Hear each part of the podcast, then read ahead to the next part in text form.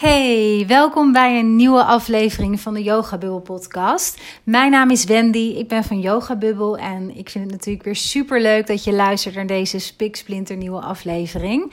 Um, in deze aflevering wil ik uh, wat meer gaan vertellen over wat yoga eigenlijk voor mij betekent, wat het voor mij heeft gedaan in het verleden en wat het vandaag de dag nog steeds doet.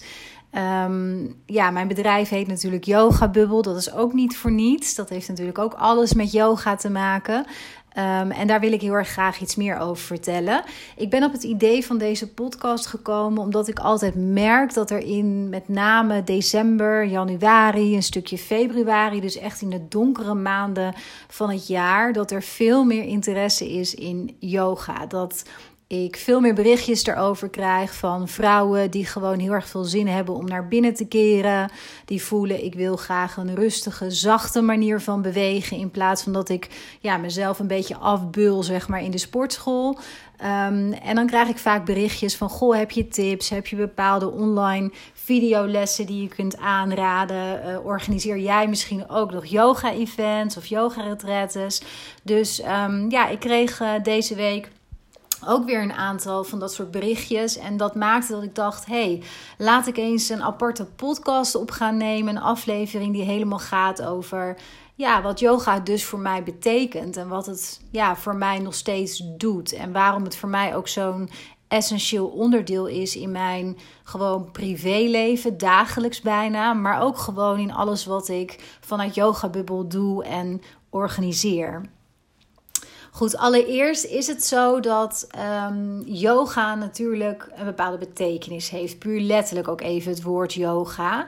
Uh, en dat wil ik toch even ook uh, benoemen uh, aan het begin van deze podcast, omdat dat voor mij ook precies staat um, op een meer, ja, hoe zal ik het zo zeggen, een wat meer abstract niveau. Um, staat dat voor mij voor wat yoga ook voor mij heeft gedaan. Want het woord yoga, dat komt uit het Sanskriet. En dat betekent eigenlijk eenheid, verenigen, verbinden, samenvoegen. Nou, een van deze woorden kun je ervoor uh, gebruiken. Maar het gaat dus om een bepaalde mate van ja, eenheid, verbinding. En dan vooral tussen lichaam en geest. Want yoga is eigenlijk al mega, mega oud. Uh, en het gaat veel verder dan alleen maar de, um, ja, de lichaamsgerichte yoga, om maar zo te zeggen, die wij kennen hier in het Westen over het algemeen. Dus als wij het hier over yoga hebben, dan gaat dat eigenlijk altijd over de houding hè, die je doet. Dus over de zonnegroet, of over Ashtanga yoga, of over yin yoga, of nidra. Nou ja, wat het maar precies is. Maar dan gaat het heel duidelijk over de, ja, de, de bewegingsvorm yoga. Dat is um, zeker een belangrijk onderdeel van waar yoga eigenlijk helemaal voor staat. Maar het is maar een klein facetje. En het zou veel te ver um, zijn voor deze podcast om daar heel uitgebreid op in te gaan. Maar heel even toch een stukje achtergrond. Yoga is eigenlijk ontstaan in India, in het noorden van India, dus echt in Azië. En um, ja, ze zijn het er niet helemaal over eens hoe oud het is, maar het is in elk geval echt heel erg oud. Uh, en het is eigenlijk ontstaan als een soort van levensfilosofie. Je kunt het in die zin vergelijken met het boeddhisme. Het heeft daar ook wel bepaalde kenmerken van. Uh, maar eigenlijk uh, schurkt het nog wat meer tegen het hindoeïsme aan, omdat het dus ook in India geworteld is. En yoga heeft bijvoorbeeld ook um, eigen geschriften, eigen boeken. Dus, en dan moet je niet denken aan een bijbelachtig iets. Maar het heeft wel uh, verschillende geschriften, waaronder de Veda's. Maar uh, ook bijvoorbeeld um, uh, de sutra's van Patanjali, zoals dat heet. En dat zijn eigenlijk een soort van, ja, leefregels waar je vanuit de yoga-filosofie naar behoort te leven met uiteindelijk doel dus eenheid van lichaam en geest.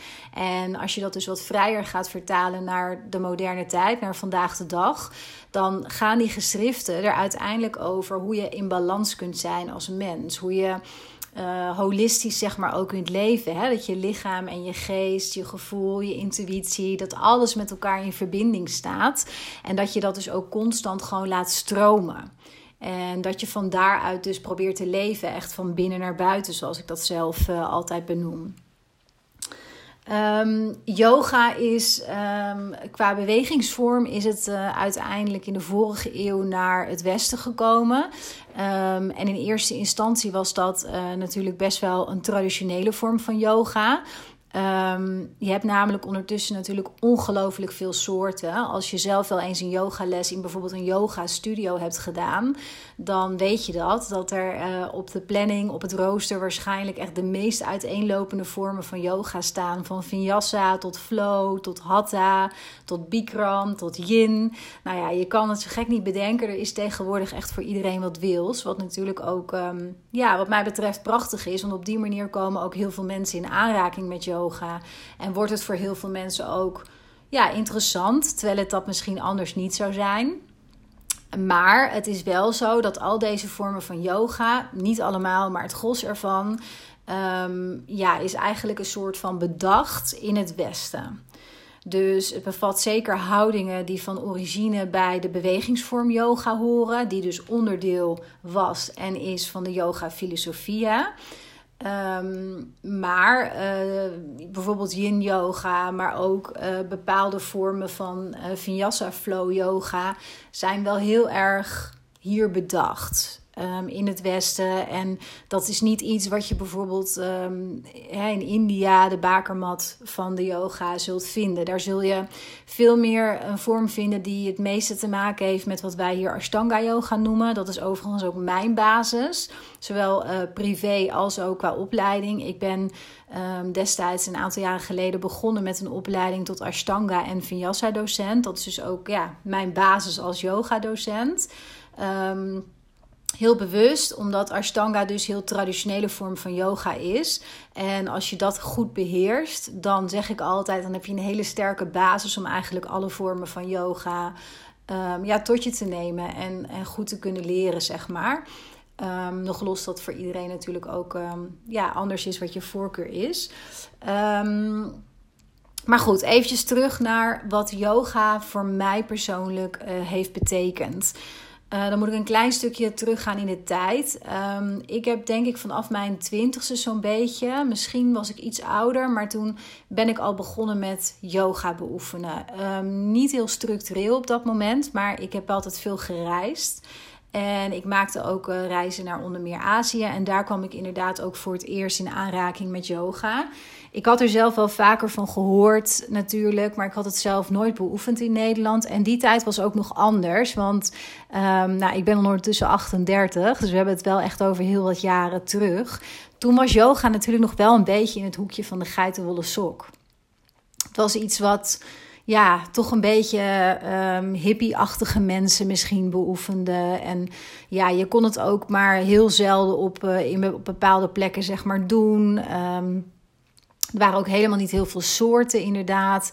Dus ja, ik, ik had daar verder nog nooit echt iets in gedaan. Totdat ik dus op reis was en een keertje daar een, uh, een lesje yoga s ochtends meedeed. En dat vond ik meteen heel erg leuk. Het fascineerde me meteen, omdat ik het een uh, hele fijne mix vond tussen enerzijds gewoon lekker bewegen en met je lichaam actief bezig zijn, maar wel op een soort van hele zachte manier. Dus het was totaal atypisch voor mij op dat moment, omdat ik heel erg altijd van het krachthonk was in de sportschool. Lekker beuken met gewichten. Um, aan de apparaten trekken, maar ook veel hardlopen, marathons rennen. Dat heb ik jaren gedaan. Dat zou ik trouwens vanaf mijn twintigste nog steeds heel veel jaren gaan doen. Maar dat is natuurlijk een hele andere manier van bewegen. Hè? Veel meer op die mannelijke energie, op dat knallen, op dat gaan. Ik zat ook heel erg op resultaat, hè? dus snelle tijden rennen, dat soort dingen. Um, en yoga merkte ik van hé, hey, dat, dat is eigenlijk een hele fijne manier van bewegen. Het is totaal anders. Mijn lichaam reageert er ook goed op. En het is vooral veel zachter. Ik vond het meteen heel erg fijn. Uh, terug in Nederland uh, heb ik daar niet per se meteen iets mee gedaan. Alleen op een gegeven moment wilde het toeval dat ik boven een sportschool woonde. Waar op dat moment Ashtanga yoga werd gegeven. En dat was ook een hele leuke docent. Daar had ik meteen een klik mee. En ook lekker nuchter. En die deed ook haar lessen op een heel eigen manier. Nou, het sprak mij gewoon enorm aan. En ik had op dat moment ook heel veel last van bepaalde blessuren in mijn heup, van het hardlopen. Dus mijn fysio die raadde mij aan van ga wat yoga doen, wat stretchhoudingen, dat gaat je helpen. Nou, 1 en 1 was voor mij 2. Dus toen dacht ik, ik ga gewoon uh, één keer per week die Ashtanga yoga les bijwonen. Nou, als je Ashtanga um, nog nooit hebt gedaan, dan um, is het misschien even goed om te weten dat Ashtanga de meest, bijna de meest dynamische vorm van yoga is die er, die er überhaupt is. Dus het is heel actief, je gaat ervan zweten. Um, nou, het is best ook veel met krachtinspanning heb je te maken. Dus, dus het paste op dat moment ook heel goed bij mij, omdat ik dus heel erg in dat ja, in dat heel stevig trainen zat. Dus deze Ashtanga paste er eigenlijk heel goed bij, maar dan wel ook weer op een toch zachte manier. Terwijl je wel het gevoel had, ik doe echt wat. Dus um, dat paste heel erg. En vanaf dat moment ben ik dat echt wel een jaar of drie, denk ik. Ja, een jaartje of drie echt uh, elke week gaan beoefenen. Uh, en toen ben ik er wel een beetje verknocht aan geraakt. Ik herinner me ook dat ik in die tijd ook de eerste boeken over yoga al begon te kopen. Omdat ik wel voelde dat het op een ander niveau ook van alles met me deed. Alleen op dat moment kon ik daar nog niet bij. Maar ik voelde wel van hé, hey, dat yoga dat is wel heel prettig. Ik slaap daarna echt als een baby. Ik zit gewoon heel lekker in mijn vel. Ik voel me soepel. Ik voel me vitaal. Nou ja, dat soort, uh, dat soort dingen, dat voelde ik wel echt. Ik kon alleen niet heel erg benoemen wat die diepere laag was. Behalve dat ik het dus ook gewoon heel fijn vond. Nou, in de jaren daarna ben ik yoga blijven beoefenen, maar, en misschien herken je dat wel, niet heel structureel. De ene keer uh, had ik weer zo'n periode dat ik dan een aantal weken echt drie, vier keer per week mijn matje uitrolde. Want ondertussen had ik ook een mat thuis. Uh, ik was ondertussen ook verhuisd en ik had geen leuke uh, yogaschool in de buurt gevonden. Op dat moment was er ook nog niet heel veel op dat vlak, nog steeds niet. Dus toen besloot ik, omdat ik Ashtanga yoga best wel goed beheerste na al die jaren, om dus gewoon thuis te gaan beoefenen. Um, dus ik had een mat gekocht. Uh, is trouwens een mat die ik nog steeds heb. Dus dat is, uh, is wel bijzonder. En die begon ik dan soms zo eens een paar keer per week uit te rollen. Dat hield ik dan een tijdje vol. En dan had ik zo weer drie maanden dat die mat gewoon lekker opgerold in de hoek bleef staan. Um, ik kon er gewoon niet echt structuur in krijgen. Maar er was wel altijd iets, als ik daar terugkijk, wat me weer terugbracht naar die mat. Dat ik hem toch weer uit de hoek pakte en toch weer die mat uit ging rollen. Dat is wel bijzonder als ik daar nu over nadenk. Want ja, daar was natuurlijk niet echt een reden of zo voor. Ik had ook met gemak het jaren niet meer kunnen doen. Maar dat was niet zo. Er was altijd wel weer een reden om toch even die mat te pakken. Um, nou, in de jaren die, die volgden, zeg maar, ja, dan heb ik het over mijn eind twintiger jaren, begin dertiger jaren, um, was dit dus zo het geval. En als we dan op reis gingen, dan deed ik ook altijd wel yogalesjes op reis. Vond ik ook super leuk. Ik ben ook een jaar op wereldreis geweest. Daar deed ik ook gewoon af en toe mijn yoga um, houdingen, zeg maar, gewoon op een handdoekje. Dus het was op de een of andere manier wel altijd ergens in mijn leven. Ook al kon het dan even tijdelijk er, uh, niet zijn. Ik pakte het dus altijd weer op. En toen kwam ik een aantal jaren geleden, uh, als je andere podcasts van mij beluistert, dan, dan weet je dat. kwam ik in een um, ja, moeilijke periode terecht. Ik um, moest heel veel afscheid nemen, gedwongen, uh, niet gedwongen. Ik verloor mensen. Ik moest zelf ook andere keuzes gaan maken, omdat het niet langer klopte wat ik allemaal aan het doen was. Ik was maar aan het doorrennen en aan het leven naar verwachtingen ja, van andere mensen eigenlijk. En heel weinig verbonden met mezelf. En in die periode heb ik diezelfde mat, ben ik voor het eerst weer uit gaan rollen sinds lange tijd op dat moment. En uh, sindsdien ben ik niet meer gestopt. En hebben we het nu echt over heel veel jaren later. Um, want wat ik meteen merkte toen ik die mat dus weer voor het eerst ging uitrollen in die moeilijke donkere periode, um, voelde ik meteen van dit is wat ik moet doen. Dit is goed voor mij. Er was gewoon iets in mij wat zei, rol die mat uit, dit gaat je helpen. En dat ben ik gaan doen. En wat het me uiteindelijk heeft gebracht en wat het nog steeds voor mij doet, dat is eigenlijk wat ik helemaal in beginsel dus ook al wel heb gevoeld, maar waar ik geen woorden aan kon geven toen ik net met yoga was gestart. Um, dat is dat het me weer in contact um, zette met mezelf, met mijn lichaam, met mijn intuïtie. Met dat ik gewoon één holistisch systeem, om maar zo te zeggen, ben. Hè? Dat, dus dat, het, ja, dat lichaam en geest niet gescheiden van elkaar zijn. En dat dat uh, impact op elkaar heeft. En dat je lichaam ook zoveel wijsheid bevat. En um, ja, ik had tot die tijd, was ik echt een wandelend hoofd geweest. Ik had heel erg vanuit mijn hoofd geleefd, vanuit allerlei andere... Uh, vanuit allerlei oude overlevingsmechanismes. Ehm, en ik was helemaal niet in contact met mijn gevoel, met mijn intuïtie en dus ook niet met mijn lichaam.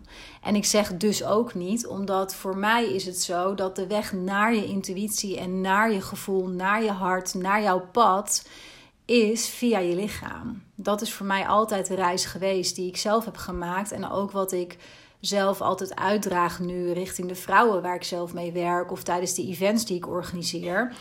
Als je dichter bij jezelf wilt komen en dichter bij je intuïtie en weer wilt leren voelen überhaupt wat die intuïtie voor jou betekent. Ehm, in plaats van dat je naar je hoofd schiet, dan is het heel belangrijk dat je eerst weer meer lichaamsbewustzijn opbouwt en dat je in je lichaam kunt zijn. Ehm, ik heb ook al eens gelezen, dat vind ik ook mooi gezegd, dat je echt leert om je lichaam weer te bewonen. Want heel vaak zien wij, zeker als vrouwen, uh, zien hun lichaam meer een beetje als een soort van noodzakelijk kwaad. Hè? Dus het is een omhulsel, het is een verpakking van wie jij bent. En vaak um, bagatelliseren we het ook helemaal tot die verpakking, tot soms zelfs het esthetische. Dus het is vooral knap, of het is lelijk, of het is dik, of het is dun, of het is niet mooi genoeg, of niet, niet slank genoeg, of niet sterk genoeg, niet fit genoeg. Nou, maak er maar iets van.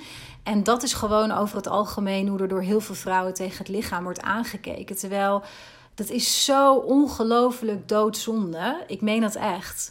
Je lichaam bevat zo ongelooflijk veel wijsheid en is zoveel meer dan alleen maar de esthetische verpakking die, die ik net beschrijf die sowieso, want daar kan ik weer een andere podcast over opnemen. Maar uh, het beeld daarop, daar heb ik ook wel een visie op, zeg maar. Uh, het beeld puur esthetisch naar zo'n lichaam kijken en goed, fout, dik, dun, uh, slank, fit, wat dan ook.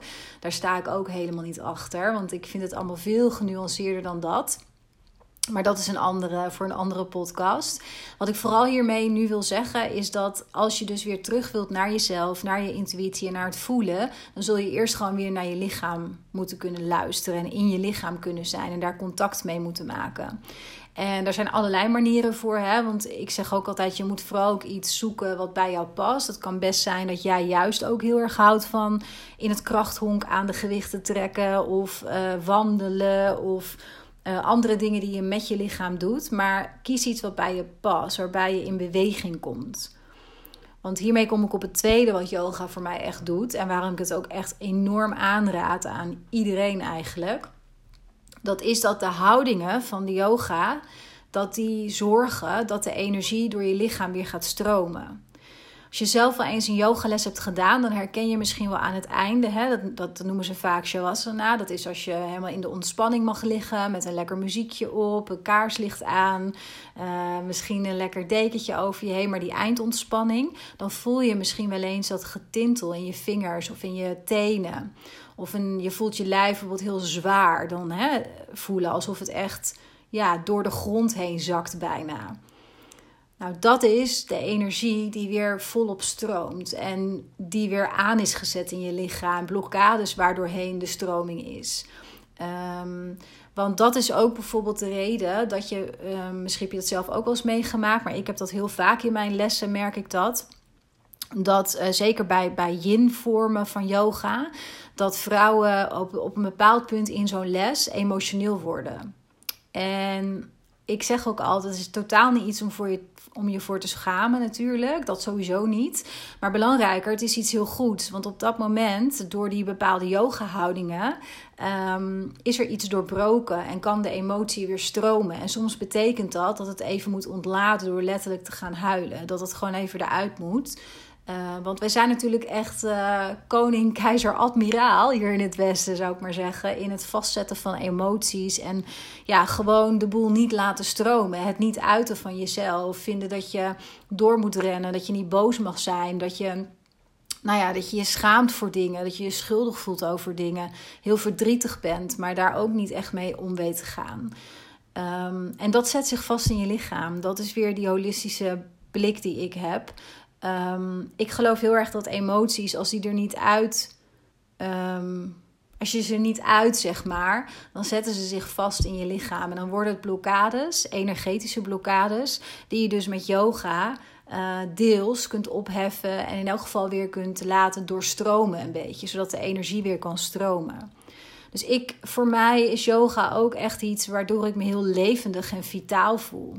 Waardoor het gewoon voor mij allemaal weer stroomt. En waardoor ik met een bepaalde uh, verwondering, een bepaalde zachtheid, zeker ook naar mijn lichaam kan kijken. Waardoor ik ook mijn lichaam op een andere manier heb leren kennen. Het ook veel meer heb leren waarderen. Nog los van dat ik dus, wat ik in het begin al vertelde, dat dat me ook weer gewoon heel erg naar mezelf en naar mijn intuïtie heeft gebracht. Ik vind ook dat ehm, yoga iets is. Ehm, kijk, als je in een bepaalde houding zit en het lukt niet, of je ziet dat je buurvrouw veel leniger is dan jij, of je wil uit een houding omdat het gewoon oncomfortabel voelt.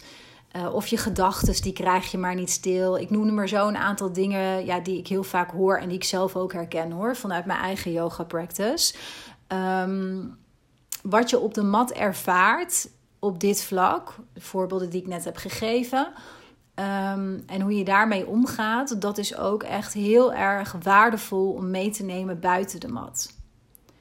Dus ben je in staat om niet naar je buurvrouw te kijken of wel te kijken en te denken: Oh, wat mooi dat zij die houding kan. Ik kan maar op de helft komen qua flexibiliteit, maar wat voelt dit goed? Ik focus me op mezelf, ik ben trots op wat mijn lichaam kan dit simpele voorbeeld van wat dan op die mat gebeurt en of jij in staat bent om je mind zeg maar te shiften als het ware en op jezelf te focussen in plaats van de buitenkant en de buitenwereld en de buurvrouw. Dat kun je natuurlijk ook op je dagelijkse leven toepassen. Want ben jij in staat om op jezelf te focussen? Om niet te veel naar andere mensen te kijken wat zij allemaal hebben, of wat zij kunnen, of wat zij bereikt hebben. En jezelf daar dan minder door te voelen. Kun je gewoon naar jezelf kijken en denken: Wauw, ik heb echt een te gek leven. Ik ben trots op wat ik doe. Ik zet elke dag een stap in iets wat ik wil bereiken. En dat doe ik gewoon hartstikke goed. Daar focus ik me op. Nou, ik hoop dat je begrijpt wat ik daarmee bedoel. Ik vind dus ook heel mooi altijd aan yoga dat wat op de mat gebeurt dat zegt ook heel veel. Dat kan je ook heel veel leren over ja, dingen die je tegenkomt buiten die mat. Gewoon in je dagelijkse leven en hoe je daarmee mee omgaat.